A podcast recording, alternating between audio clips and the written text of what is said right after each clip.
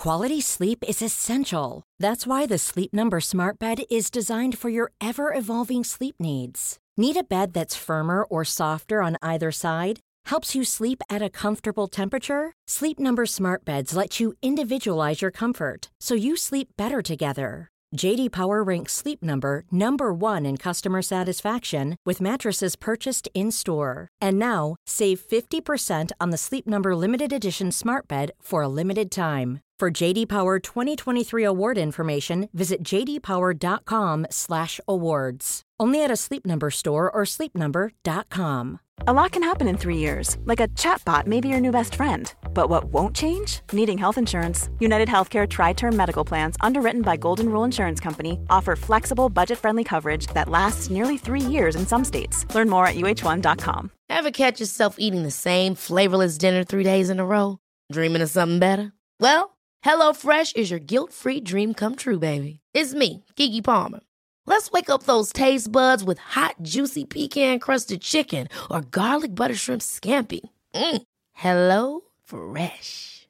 Stop dreaming of all the delicious possibilities and dig in at HelloFresh.com. Let's get this dinner party started.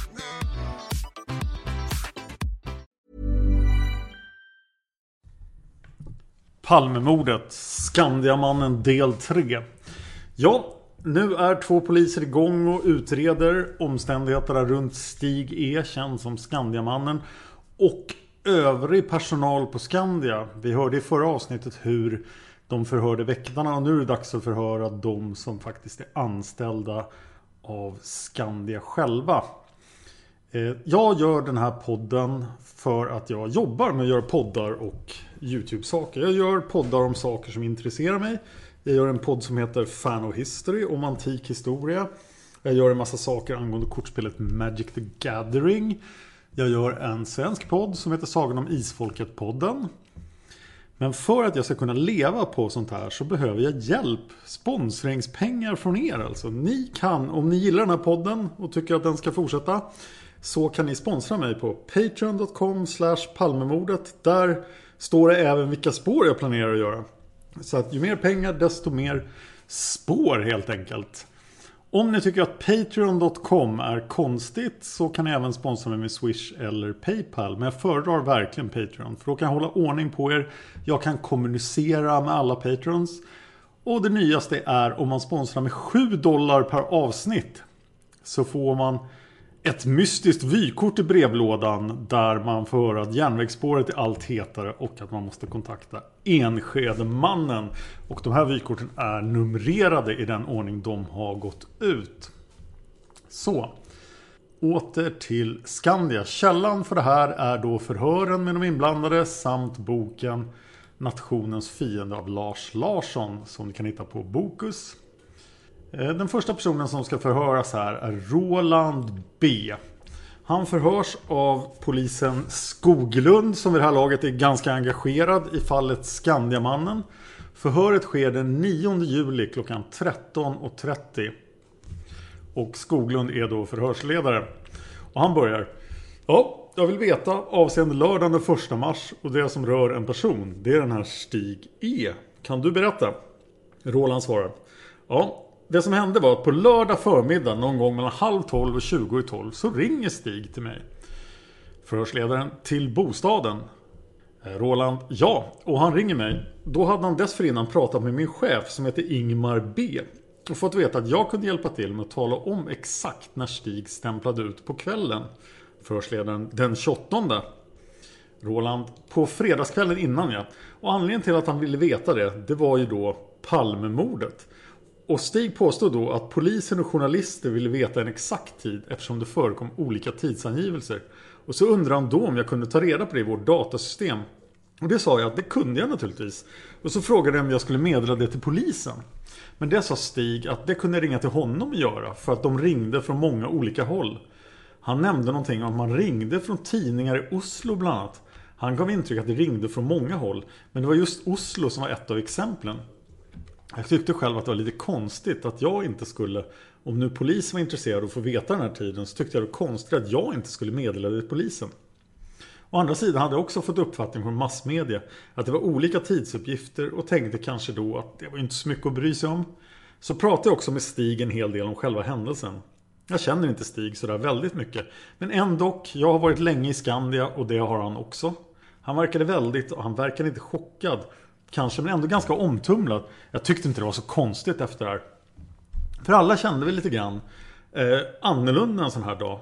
Jag började fråga honom lite grann. Han berättade just då att han gått ut från Skandia. När han kom vid Götabanken så hade det där skottet hörts. Stig tänkte inte så mycket på att det var ett skott utan trodde mer att det var något oljud från trafiken. Men ganska snart så vart han ju varse då vad som hade hänt strax framför honom. Det han då meddelade mig så hade han alltså varit en av de första framme hos Palme. Jag frågade då det var blodigt. Nej, det var inte särskilt mycket sa han. Utan Palme låg på rygg och blödde ur munnen. Och vi vände honom i framstupa sidoläge. Då sa jag, var du med och gjorde det Stig? Ja just det, sa Stig. Vi var några stycken, sa han, som gjorde så. Så hade jag också hört att Lisbeth Palme hade fått någon skada. Så jag frågade hur det var med henne då, sa jag. Det verkar inte vara någon större fara med henne, sa han. För hon rusade ut i gatan ett par gånger och viftade på bilar och sa någonting om att min man har blivit skjuten. Och så frågade honom Eh, jag frågade Stig alltså om han såg att det var Palme. Nej, sa Stig, det gjorde jag inte.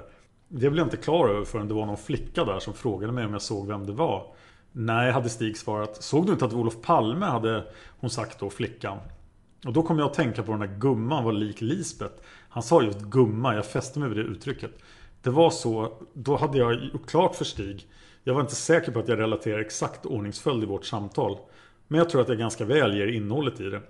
Jag hade också gjort klart för Stig då att jag stod då omklädd i träningsoverall och skulle iväg och spela tennis. Jag skulle spela tennis mellan klockan 12 och 1. Och här måste jag bryta då och säga alltså Skandiamannen påstår att det ringer en massa tidningar till honom. De ringer från Oslo.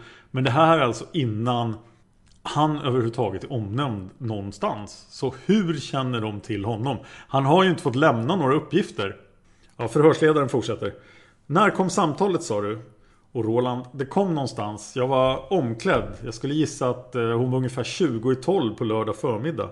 För jag var inte jäktad när han ringde så vi kunde spela en stund.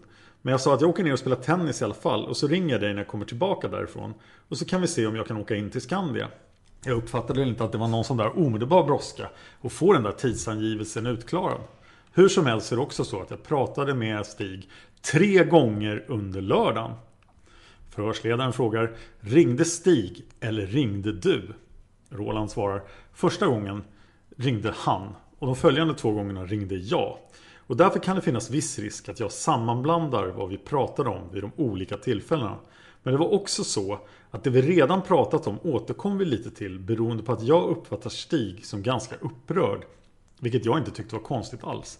Men hur som helst så åkte jag iväg och jag spelade min tennis och när jag kom tillbaka så var det lunchdags hemma. Vi åt lite lätt lunch. Sen ringde jag till Stig och sa att nu är jag klar, nu kan jag åka in till Skandia. Och då kommer det här igen. Att Stig säger ja, det var bra för de ligger på mig här och vill veta och de ringer från alla möjliga håll. Så han gav alltså intryck att det var många som var intresserade av det här. I den här vevan så berättade han också. Han berättade att det var en bil som var nära här. Och som vi uppfattade så var det en taxibil han syftar på. Men han berättade också när polisen kom. Han sa att de kom väldigt snabbt. Så sprang han in efter dem i Tunnelgatsgränden. Och motivet att han sprang efter var att han fick uppfattningen om att de hade fått ett felaktigt signalement på gärningsmannen. Just det där med kepsen och trenchcoat. Så sa Stig, så var jag klädd och jag sprang efter dem för att tala om att det var fel.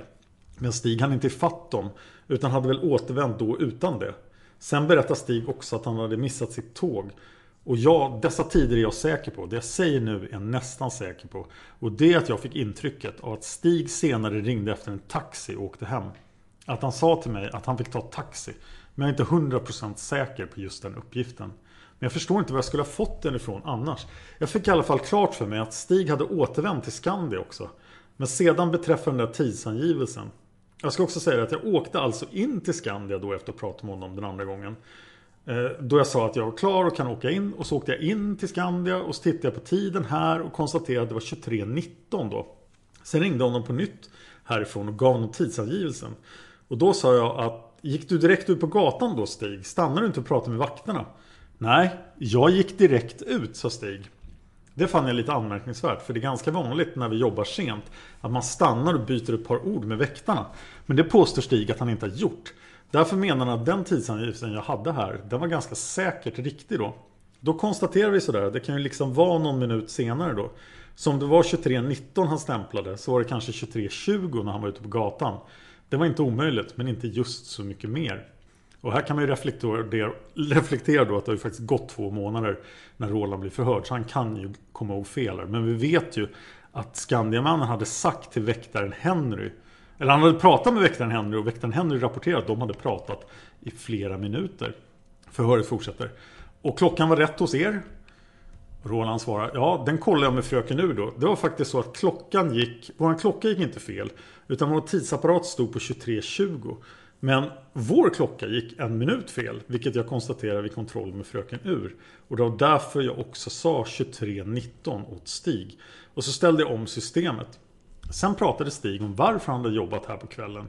Han hade väldigt mycket att göra sa han. Och han hade en del som skulle vara klart. För han skulle på semester. Han skulle ut och åka skidor.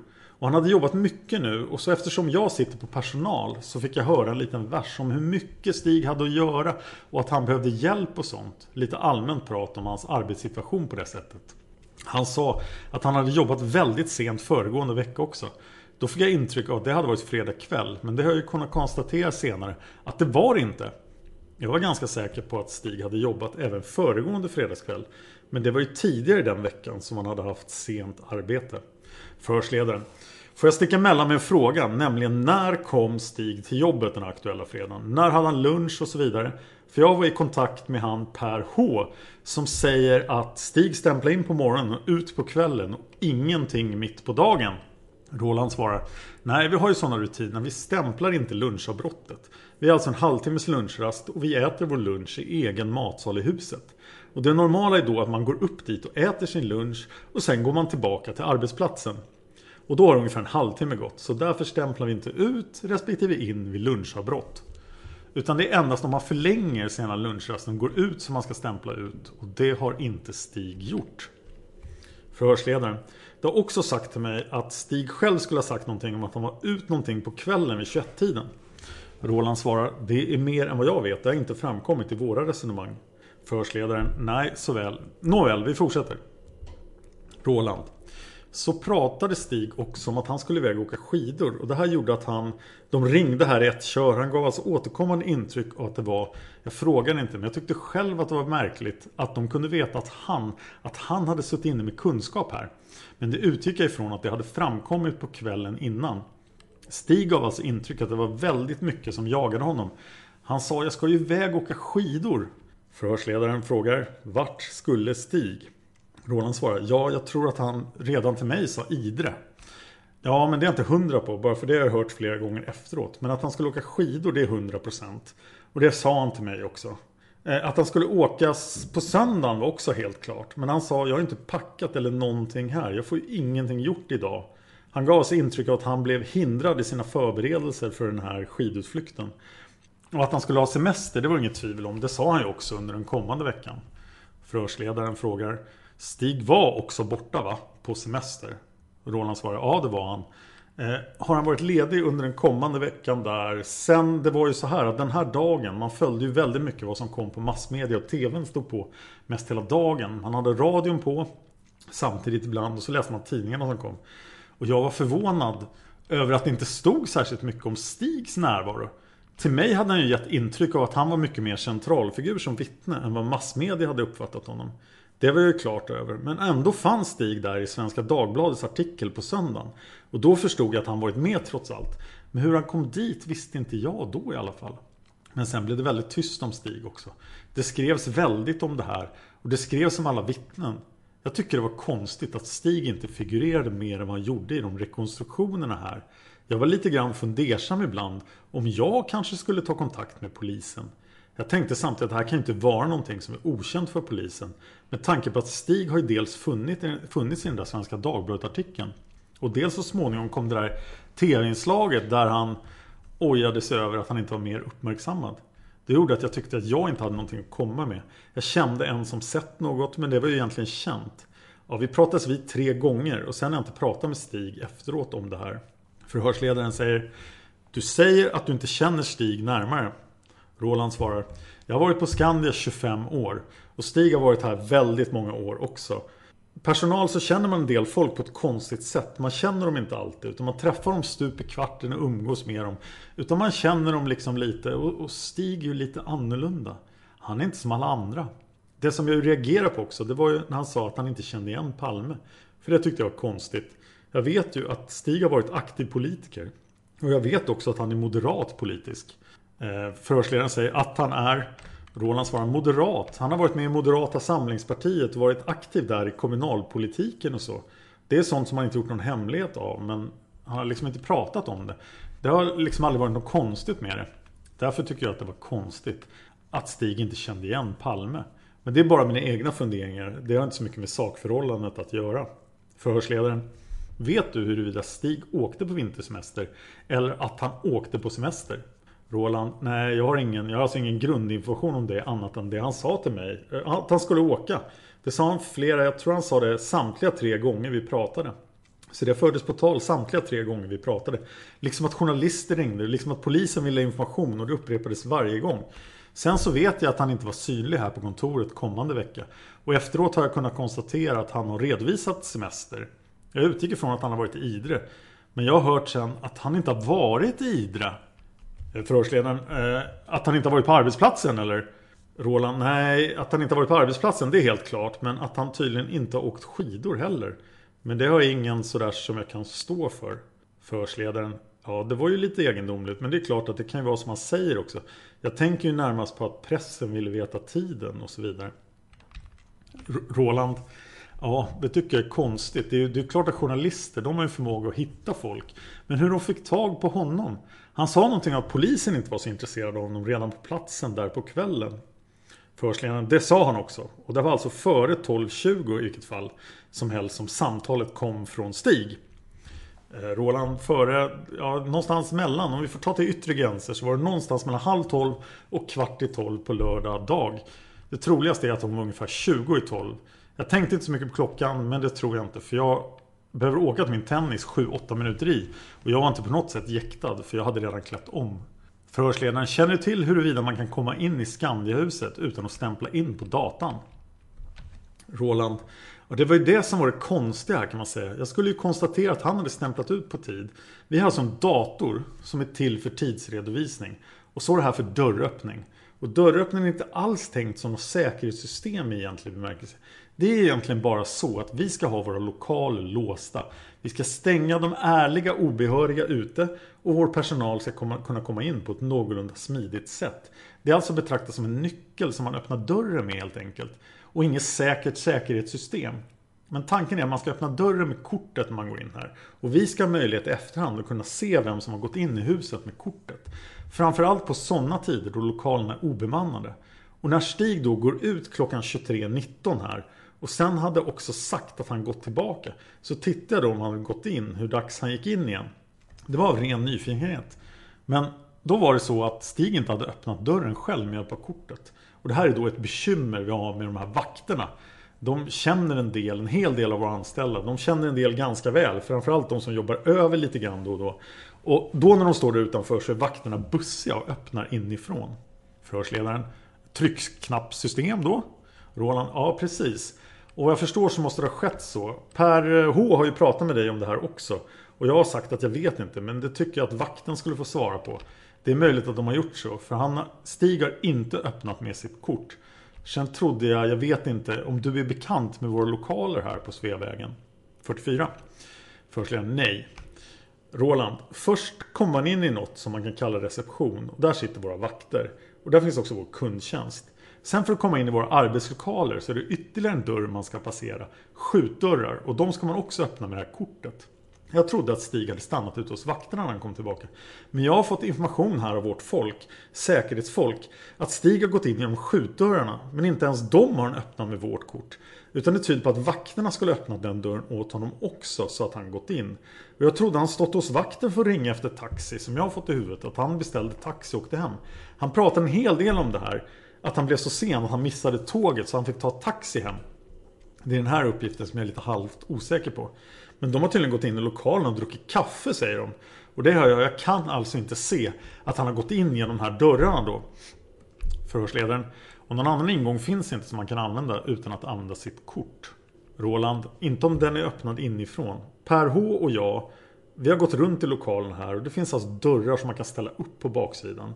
Och har man ställt upp dem så kan man ju Förhörsledaren, det har talats om en dörr på Luntmakargatan. En så kallad cykel, det känner du till? Roland, ja det finns ett antal dörrar på baksidan och cykelstallet bredvid. Förhörsledaren, det sägs också någonting om ett larm på någon sorts dörr. Roland, ja, jag har hört att någon dörr har alltså stått larmad då. Förhörsledaren, ja fram till 22.35. Roland, ja nu är det så att jag sysslar egentligen inte med det här med larm och sånt. Utan det här med tider stämplas in och ut och då ska jag betala ut lönerna. Sen det här med dörröppnaren med hjälp av samma tidkort, den datorn svarar jag för.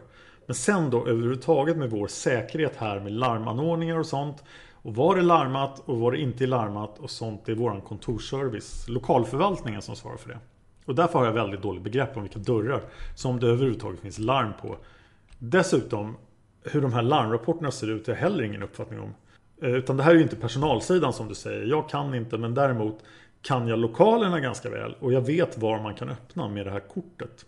Om man säger så här. Att kan man komma in på Skandia på från baksidan en kväll så vill jag påstå att det kan man.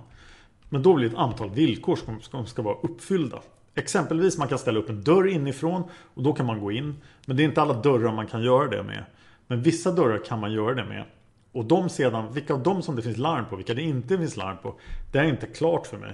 Men sen har jag hört talas om genom vår säkerhetschef att någon dörr har varit larmad på kvällen här under en ganska lång period. Och det vet inte jag vilken dörr det är. Men jag har ju gått runt med Per H hos oss här. Och som jag ser finns det ett par tre möjligheter att komma in från baksidan. Men det är inte sådär att man bara kommer in utan vidare. Om man säger kan man komma in där med hjälp av det här kortet. Och det har inte Stig gjort. Man kan inte komma in med kortet från baksid på baksidan. Men man kan komma in på annat sätt.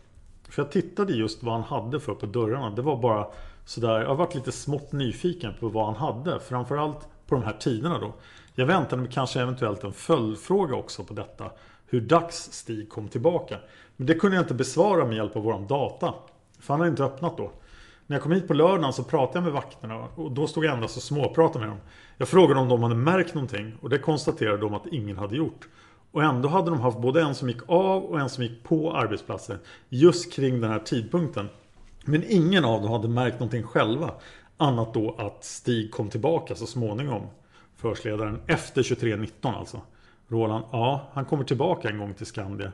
Och jag är inte klart för mig om han kom in via 44 eller om han vakten har träffat på honom här efteråt. Det är ju klart.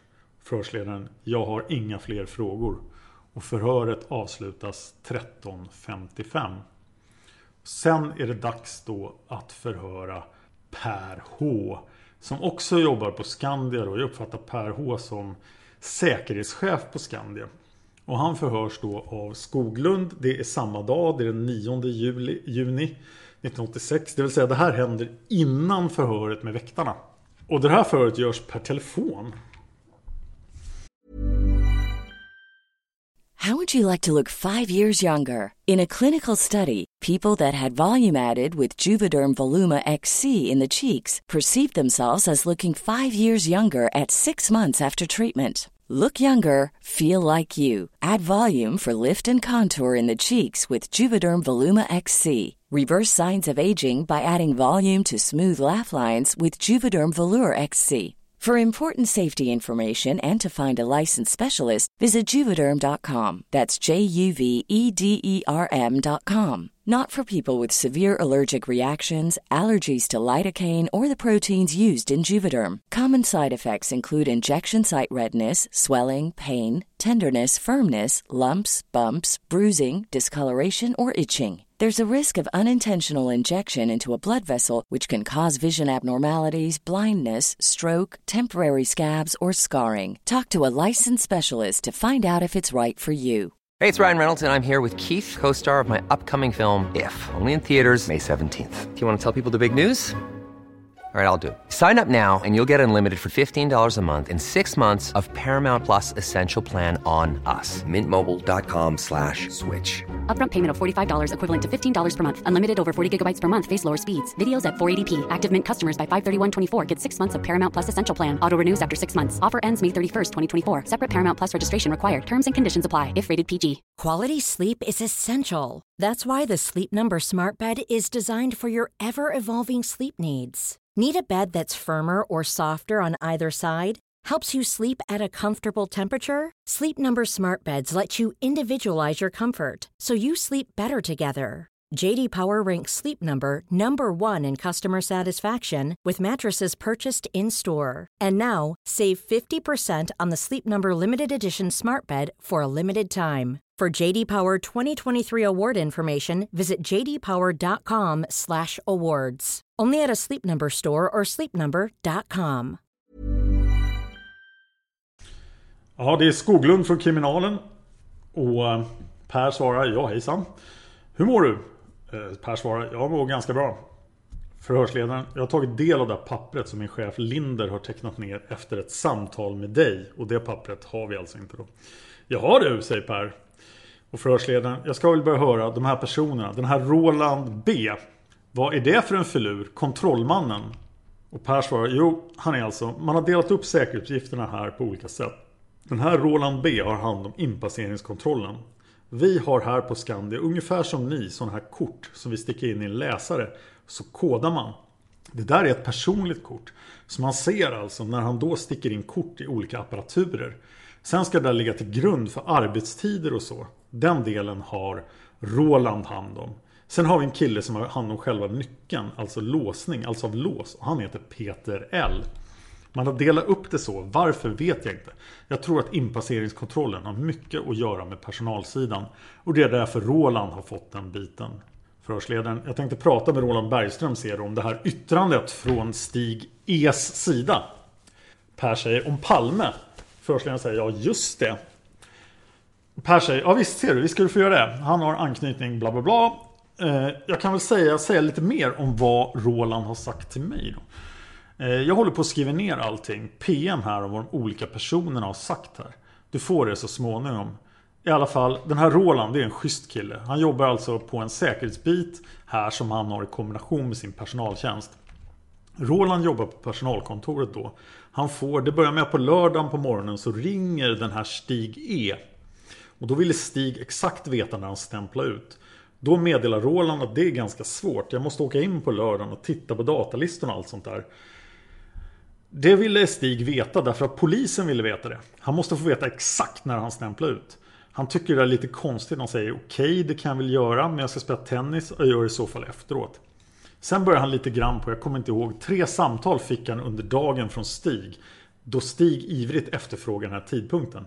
Under de här kontakterna så berättade Stig vad han har upplevt kvällen innan. Då reagerar Roland för olika saker säger han till mig. Att han reagerade över när han, Roland alltså, kom in på Skandia och gör den här kontrollen mot datalistorna. Så snappar han direkt att Stig har för lite stämplingar så att säga. På, Stigs, på Rolands datalistor kan han se att den här Stig inte har använt kortet mer än två gånger under fredagen.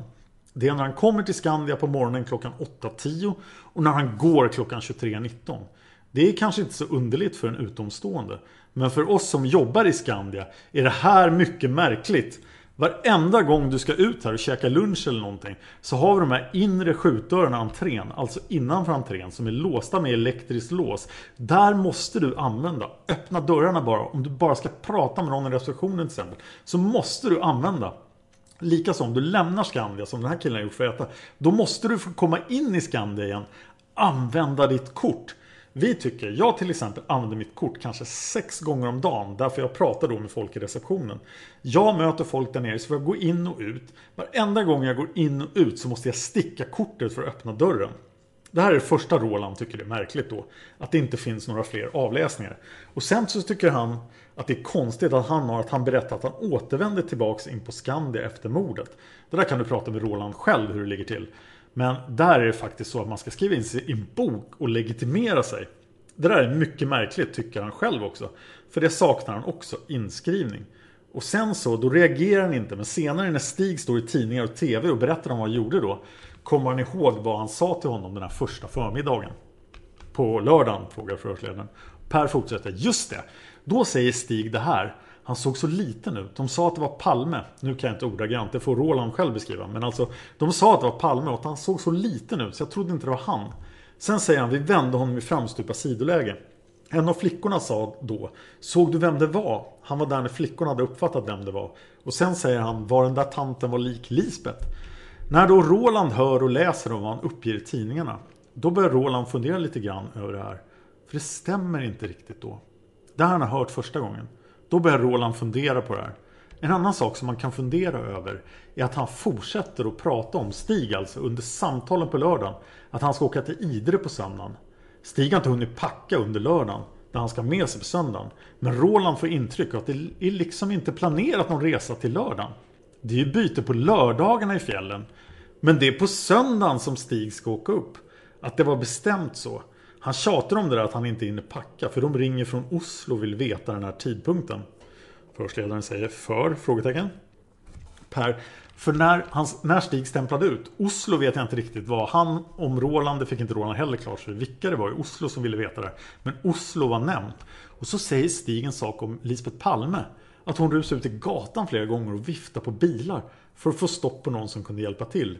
Det tycker Ja, han är lite märklig bara för att det är ju bilar. Det är en taxichaufför bland annat. Och han reflekterar ju i alla fall över detta. Det gör han då inte riktigt förrän på söndag, Roland då, när han läser tydligen i Svenska Dagbladet, alltså veckan efter då. Det är väl då han går ut i pressen i alla fall. Då Stig börjar uttala sig i tidningarna. Sen börjar han fundera över det här, vad han själv har fått höra. Och sen så gick Roland och jag och tittade på den här beryktade cykelvägen som vi säger. Förhörsledaren är beryktade. Per fortsätter. Cykelvägen. Det finns ju alltså tyvärr ett ställe där man ta, kan ta sig in i Skandia utan att larmet går. Utan att man kommer med på tv-skärmen. Om man då har en nyckel till ett cykelrum där anställda på Skandia då kan få ställa sin cykel. De som cyklar till jobbet. Och det där cykelrummet kan man knalla ut och in på. Förhörsledaren. Är det som talas om Luntmakargatan? Per säger just det. Det var ju då i anslutning till det som det här larmet går 22.35. Eh, vad är det för adress på Luntmakargatan? Vad är det för nummer? Per säger, nu ska vi se här. Det är alltså alldeles intill min dörr här nere, ingången till det. Det är garageinfarten som ligger precis i hörnan av Adolf Fredrik kyrkogata och Luntis. Jag kommer inte ihåg numret, men det är alltså precis i hörnan där. Det går ner en garagenerfart, där cyklar man också ner och halvvägs ner så förhörsledaren, men, men då måste man ha nyckel. Och Per säger, ja man måste ha nyckel. Man kan, de flesta använder sig av ett kort, av sitt kort. Men om man har en nyckel som de som har jobbat länge kan ha en nyckel och som faktiskt också delas ut på samma avdelning där Stig jobbar, kontorsservice. Så kommer man in och ut där utan att nattvakterna, utan att vakterna ser. Förhörsledaren, kan man kolla om han har en sån här nyckel? Om Stig har en sån nyckel? Per, ja det var det som. Vi har ju som du kanske hörde planer på att göra en liten förundersökning på torsdag kväll. Förhörsledaren, det visste jag inte men det är ju intressant ju. Då säger Per då tänker vi gå in i Stigs rum. Vi har försökt att välja dag här och den enda möjliga dagen är alltså på torsdag kväll. Då tänker vi gå in och göra en förundersökning kan vi kalla det för. Förhörsledaren är mycket bra. När jag kommer ihåg det här så vet vi ju att mordet begicks 23, 21 och 20. Vet du det exakt? Förhörsledaren svarar ja det sägs ju det här uppe. Och Per säger är det Förhörsledaren säger åtminstone 23, 21 kan man säga och då jämför man det med 23, 19. Och då svarar Per, ja precis. Det har vi också gjort. Och förhörsledaren, då frågar man sig givetvis direkt, kan stämpelklockorna gå fel? Och då säger Per nej. Då säger förhörsledaren, har du kollat det? Och då säger Per, ja, de går rätt. Men sen har vi också ställt frågan, hur mycket talade han med vakterna här nere i receptionen innan han lämnade lokalen? Intressant är att till dem, jag har hört dem också, de säger när han kom in igen chockad efter det här mordet Då säger han att han var vid Götabanken när det small. Jag vet att han har sagt till er att han inte har mer än ett skott. Därför att han är på väg ut genom dörrarna här på Sveavägen 44 Vi har försökt att provgå det där och man går rakt ut. Man stamplar som han gjorde och bara knallar på och släpar stegen efter sig, fötterna efter sig. Då har du gott om tid på en minut bort till Tunnelgatan. Du är inom minuten, är du i korsningen? Och då släpar vi fötterna efter oss. Om vi lägger till 30 sekunder för ett kort samtal om lite grann. Då var alltså 1.30. Och förhörsledaren säger då slutar vi på och då säger Per, då slutar vi på 23, 20 och 30. Och då har alltså Stig pratat bort en halv minut. Förhörsledaren säger, det kan stämma bra det. Då börjar Per bli riktigt upphetsad. Men sen måste man ju svara på en hel del andra frågor. Hur fasen kan Stig tajma detta? Det är det som vi har försökt att förklara genom den här. Då räknar jag så här. Han måste alltså haft en möjlighet att lämna Skandia. Han måste haft en möjlighet att komma in i Skandia för att tajma det här. Och då, om vi inte kan besvara den frågan, så är det antingen så att det är helt oplanerat. Det är bara så att han stöter på dem. En galning alltså. Sen får han för sig någonting och har då, alltså det är bara en ren tillfällighet. Men jag tror att det verkar lite mer planerat. Det har i alla fall skett viss övervakning. Förhörsledaren, är det någon som kan säga någonting om Stigs klädsel vid det här tillfället? Per säger ja, det kan man visst göra. Vakterna har vi frågat om det. Han var klädd i något blått, det var en säger. Halvlång rock, handväska och så hade han sin keps som han har på vintrarna säger de. Det är väl den där knäppta kepsen.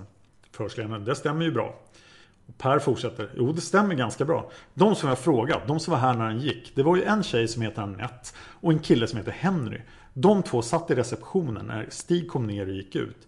Sen när han kommer tillbaks chockad efter, det var ungefär vid 23.45. Då kommer han in igen. Då har han nätt lämnat Skandia med bil från garaget under. Förhörsledaren, vad har hon för bil? Vet du det? Och Per säger nej, det är en ganska bra fråga. Jag har den tjejen får jag lite puls på faktiskt. Faktiskt, jag får lite puls på Annette. Hon lämnar. Hon är den enda av vakterna som har bil. Och jag har inte tagit reda på vad hon har för bil. Men hon lämnar Skandia, Luntis norrut. Svänger in Kammakargatan mot Sveagatan, Sveavägen då. Sen ut på Sveavägen och Sveavägen norrut. Hon bor på Östervägen 8 i Solna. Hon säger att hon har blivit hörd av polisen tidigare om detta. Vad hon såg på vägen och så vidare. Men faktum är att precis där hon har sin bil är också intill den dörr där larmet går 22.35. Den här flickan, Annette, hon är faktiskt ensam i receptionen när larmet går 22.35. Men hon gör ingenting åt det larmet. Det kom sen att stå öppet den här dörren fram till 23.22 som du har hört. Där ser, där har vi frågat de andra vakterna vad det kan bero på. Och de fattar inte det. Annette ska alltså vidta vissa åtgärder, men det gör hon inte. Hon struntar i det. Förhörsledaren. Det var ju konstigt. Per fortsätter. Ja, lite konstigare ändå blir det. Därför att när vi då hör en annan av de kvinnliga väktarna. Hon som då, när larmet går ute på rondering uppe i huset. Åtta trappor upp och inte hör det larmet. Och ser larmet då på datan. Den, den hon berättar att Stig har varit ute och käkat. Kommer in klockan strax efter nio. Men det berättar inte den här Anette för oss inte. Fast hon har varit med då i receptionen. Jag har frågat väldigt mycket om vilka som har gått in. Och då säger inte hon det. Det får vi höra utav den andra väktaren. Att Stig har passerat in då strax efter nio igen. Det hör vi alltså av Anna-Lisa. Det är alltså vakt nummer två. Men just det här att Annette döljer. Om man nu vill vara lite illasinnad. Och det ska man ju vara. Men Annette alltså, hon gör ingenting åt larmet. Hon berättar inte för oss att hon vet att Stig har varit ute klockan nio och kommit tillbaka. Trots att vi är intresserade av den frågan. Och sen så händer någonting annat när vi frågar. När lämnar du Skandia Anette? Hon lämnar Skandia vill hon säga då klockan 23.35. Och när vi pratar med Anna-Lisa Då säger hon att jag återvänder från min rond som börjar klockan 21 och återvänder klockan 23.25 tror hon. Men då är Anette borta. Det tycks som att Annette vill fördröja eller förlänga sin avresa så att säga från Skandia 10 minuter ungefär. Hon sitter nämligen och väntar på Henry. Hon sitter av hans tid så att säga åt honom. Hon ska egentligen sluta klockan 20.45. Men sen så är det en annan sak skogis. Det är så här att den här Annette, hon säger att hon har ryckt in och sitter kvar istället för och väntar då på Henry som ska spela bridge. Då han har frågat henne om hon kan stanna från 20.45 till han kommer då. Ja, säger hon. Sen frågar vi då vem hon satt med sin ordinarie tid. För hon jobbade ju egentligen bara 16.45 till 20.45.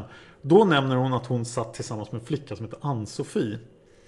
Hon säger Annette att hon satt från 16.45 på fredagen till 20.45 med Ann-Sofie. Klockan 20.30 kom Anna-Lisa som då jobbar normalt tillsammans med Henry. Anna-Lisa kom 20.30 och gick, ronden, gick på ronden 21. Och då blev Annette ensam i receptionen. Men då har vi tagit kontakt med Ann-Sofie för att få veta om hon har sett Stig komma utifrån och in. För det borde hon ha sett. Och vet du vad Ann-Sofie säger till oss då? Hon har inte varit på Skandia den här dagen. Hon säger att hon har bett Anna-Lisa sitta från 16.45. Och hon har påtalat detta felaktiga påstående för Anette. Men Anette vidhåller att Ann-Sofie var här i alla fall den här fredagen. Ann-Sofie, vad gjorde hon då? Jo, hon åkte till Östtyskland den här kvällen klockan 19. Som kan omöjligtvis ha varit där. Förhörsledaren bara, oj då. Det här ser ju grant ut. Per fortsätter, visst börjar det se grant ut. Då frågar vi, vad fan är det här? Vem fan är Anette? Vad är det för konstigt efternamn hon har? Vad är det för, är det något östnamn? Eller vad är det här? Varför påstår hon så bestämt att Ann-Sofie sitter med henne från 16.45 till 20.45? När det i själva verket så att Ann-Sofie har vidtalat Anna-Lisa att gå hela vägen för henne. Du vet, det här är så jävla rörigt. Och det är så konstigt här. Det här borde man reda ut. Då förstår du till bakgrunden till varför man håller på och håller på och försöker reda ut det här för mig själv. Och det är inte enkelt. Förhörsledaren, har, har du kollat Anette som du nämner här? Och Per svarar, nej jag har inte gjort det. Det är någonting med henne som, ja. Förhörsledaren, hon har blivit hörd sa du, av polisen. Och Per säger, ja hon säger det själv att hon har hörts tidigare. Och hon har ett, hon säger så här till exempel. Att jag tror att polisen har tagit fel på tidpunkten. Därför att jag skulle ha hört skottet. Hon har alltså inte hört någonting 23.35. Så hon vill alltså förändra tidpunkten här. Det har hon påstått till den här kommissarien som då har hört henne. Det är någonting med henne som får mig att fundera lite grann. Jag kan inte sätta fingret på det, men du vet hur det är. Man får en sån här känsla för olika saker. Och ibland säger hon för mycket och ibland säger hon för lite. Men Anette är faktiskt den som hade en bil nere i garaget. Förhörsledaren säger jag ska kolla vilken bil hon har. Och Per säger det är den enda bilen som är faktiskt. Väktarna kommer ju gående eller med tunnelbanan. Vad jag tänkte säga, på torsdag tänkte vi. Om allting klaffar, om vi kan få fram nycklar och sådär. Då tänkte vi göra det här efter arbetstid. Det är klart om du har synpunkter på vad vi kan leta efter. Vi tänkte leta efter nycklar förstås. Och sen leta efter bilder, dokument. Du vet det här om Mariehamn. Förhörsledaren Mariehamn? Och Per, ja du vet att Stig har varit där också. Förhörsledaren bara, nej det noteras ingenting här. Per säger, nej nej. Man undrar ju var Stig var någonstans under sin semester. Förhörsledaren, ja just det, det stämmer. Han var inne i en klädsaffär där. Ja det stämmer. Så att han var alltså inte i Idre. Per säger, det var ju tveksamt. Man kom och förfrågade sig i alla fall om han var det. Och sen kopplingen då till att tryckeriet, eller vad fan det är Mariehamn. På det här EAP. Stig är ju grafiker den här killen. Han är alltså han är utbildad sånt. där, Hans rum är sånt där grafiskt tryckeri kan man säga. Förhörsledaren eh, Mörkrummet. Och Per, ja just det. Därför tänkte vi hitta. Sen ska vi se om vi, hitta, om vi kan hitta några kopplingar till det. Och sen letar vi efter vapenfett eller vapendelar. Och där slutar förhöret med Per H. Och den sista sidan i förhöret inte med. Den utgår för anledningen att det saknar betydelse för ärendet. Men här kan vi då konstatera att säkerhetschefen på Skandia, eller säkerhetspersonen, jag börjar vackla om man faktiskt är säkerhetschef. Han tänker alltså göra en egen undersökning av Stigs rum och leta efter vapen. Och han är ju oerhört misstänksam mot väktarna Nett. Och mellan raderna här så verkar det som att Per H är övertygad om att Stig är gärningsmannen. Jag vill passa på att tacka en ny sponsor som heter Gustav. Tack Gustav. Tack alla ni andra som sponsrar den här podcasten på eh, patreon.com palmemordet. Jag har fått några iTunes-recensioner som jag tänkte läsa upp här. Ni kan gå till iTunes och recensera den här podcasten. Berätta vad ni verkligen tycker. Berätta vad ni tycker jag kan, eh, kan eh, förbättra och så vidare. Eh, Ja, först har vi en trestjärnors recension. Mycket intressant men hemskt ljud. Eh, från Daniel poddlyssnare och han säger att han har precis lyssnat på avsnittet med Gert Fylking och det dåliga ljudet är tillbaka. Det låter som att ni sitter 15 meter från micken och det brusar konstant. Och det är väldigt sant för att det där spelades in hemma hos Gert Fylking och det var Gert Fylkings medhjälpare som var ansvarig för ljudet. Och som ni har sett på Youtube, på Palmemordskanalen på Youtube, sök på Palmemordet på Youtube så hittar ni lite extra videor och sånt plus alla avsnitt av den här podden. Där kan ni se bilder på när jag sitter hemma hos Gert Fylking. Och då har vi alltså så här proffsiga mickar, de är inkopplade i ett USB, en USB-hub. Men det visade sig sen då när vi hade spelat in att de hade inte haft någon ström påslagen. Så att hela det avsnittet är alltså inspelat på en mack som råkade stå på det där bordet. Så att jag förstår att ljudet var fruktansvärt där. Men det här avsnittet spelar jag in med bästa möjliga ljud som jag kunnat fixa. Så jag hoppas att om ni har varit tveksamma på ljudet så att ni tycker att det är bra ljud här då. Nästa iTunes-recension är 5 stjärnor från Iorso 1667. Och tack för det! Iorso säger Jag bara älskar den här podden. Jag lyssnar på alla avsnitt. Jag kan knappt vänta på nästa. Jag tycker att ett avsnitt per vecka är lite långsamt. Dan gör ett fantastiskt jobb. Älskar djupdykningarna i detaljerna. Eh, ljudet kunde ha varit lite bättre men det menar jag ljud, ibland att ljudet har väldigt skarp diskant. Eh, ja och den här eh, Jorso har pratat med mig utanför här och eh, vi har faktiskt fixat Det här ska vara fixat i det här avsnittet. Jag hoppas verkligen att ni inte tycker att det är hög diskant där. För vi har genomfört en del förbättringar. Mycket tack Jorso.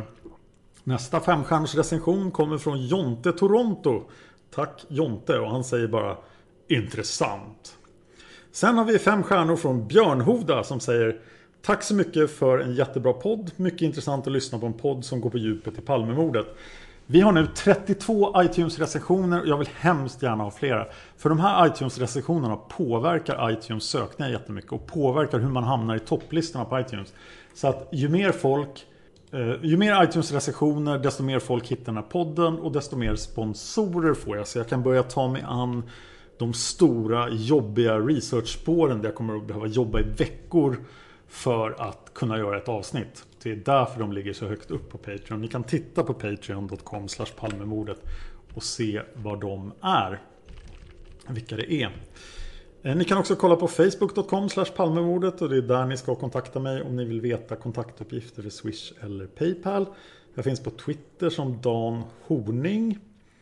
Och eh, jag har ju funderat ganska länge på det här mysteriet med Skandiamannen. Jag tycker det är jättekonstigt. Jag tycker verkligen att det inte finns något riktigt bra svar på vem Stig är och vad han håller på med. Och därför ska vi göra flera avsnitt om det.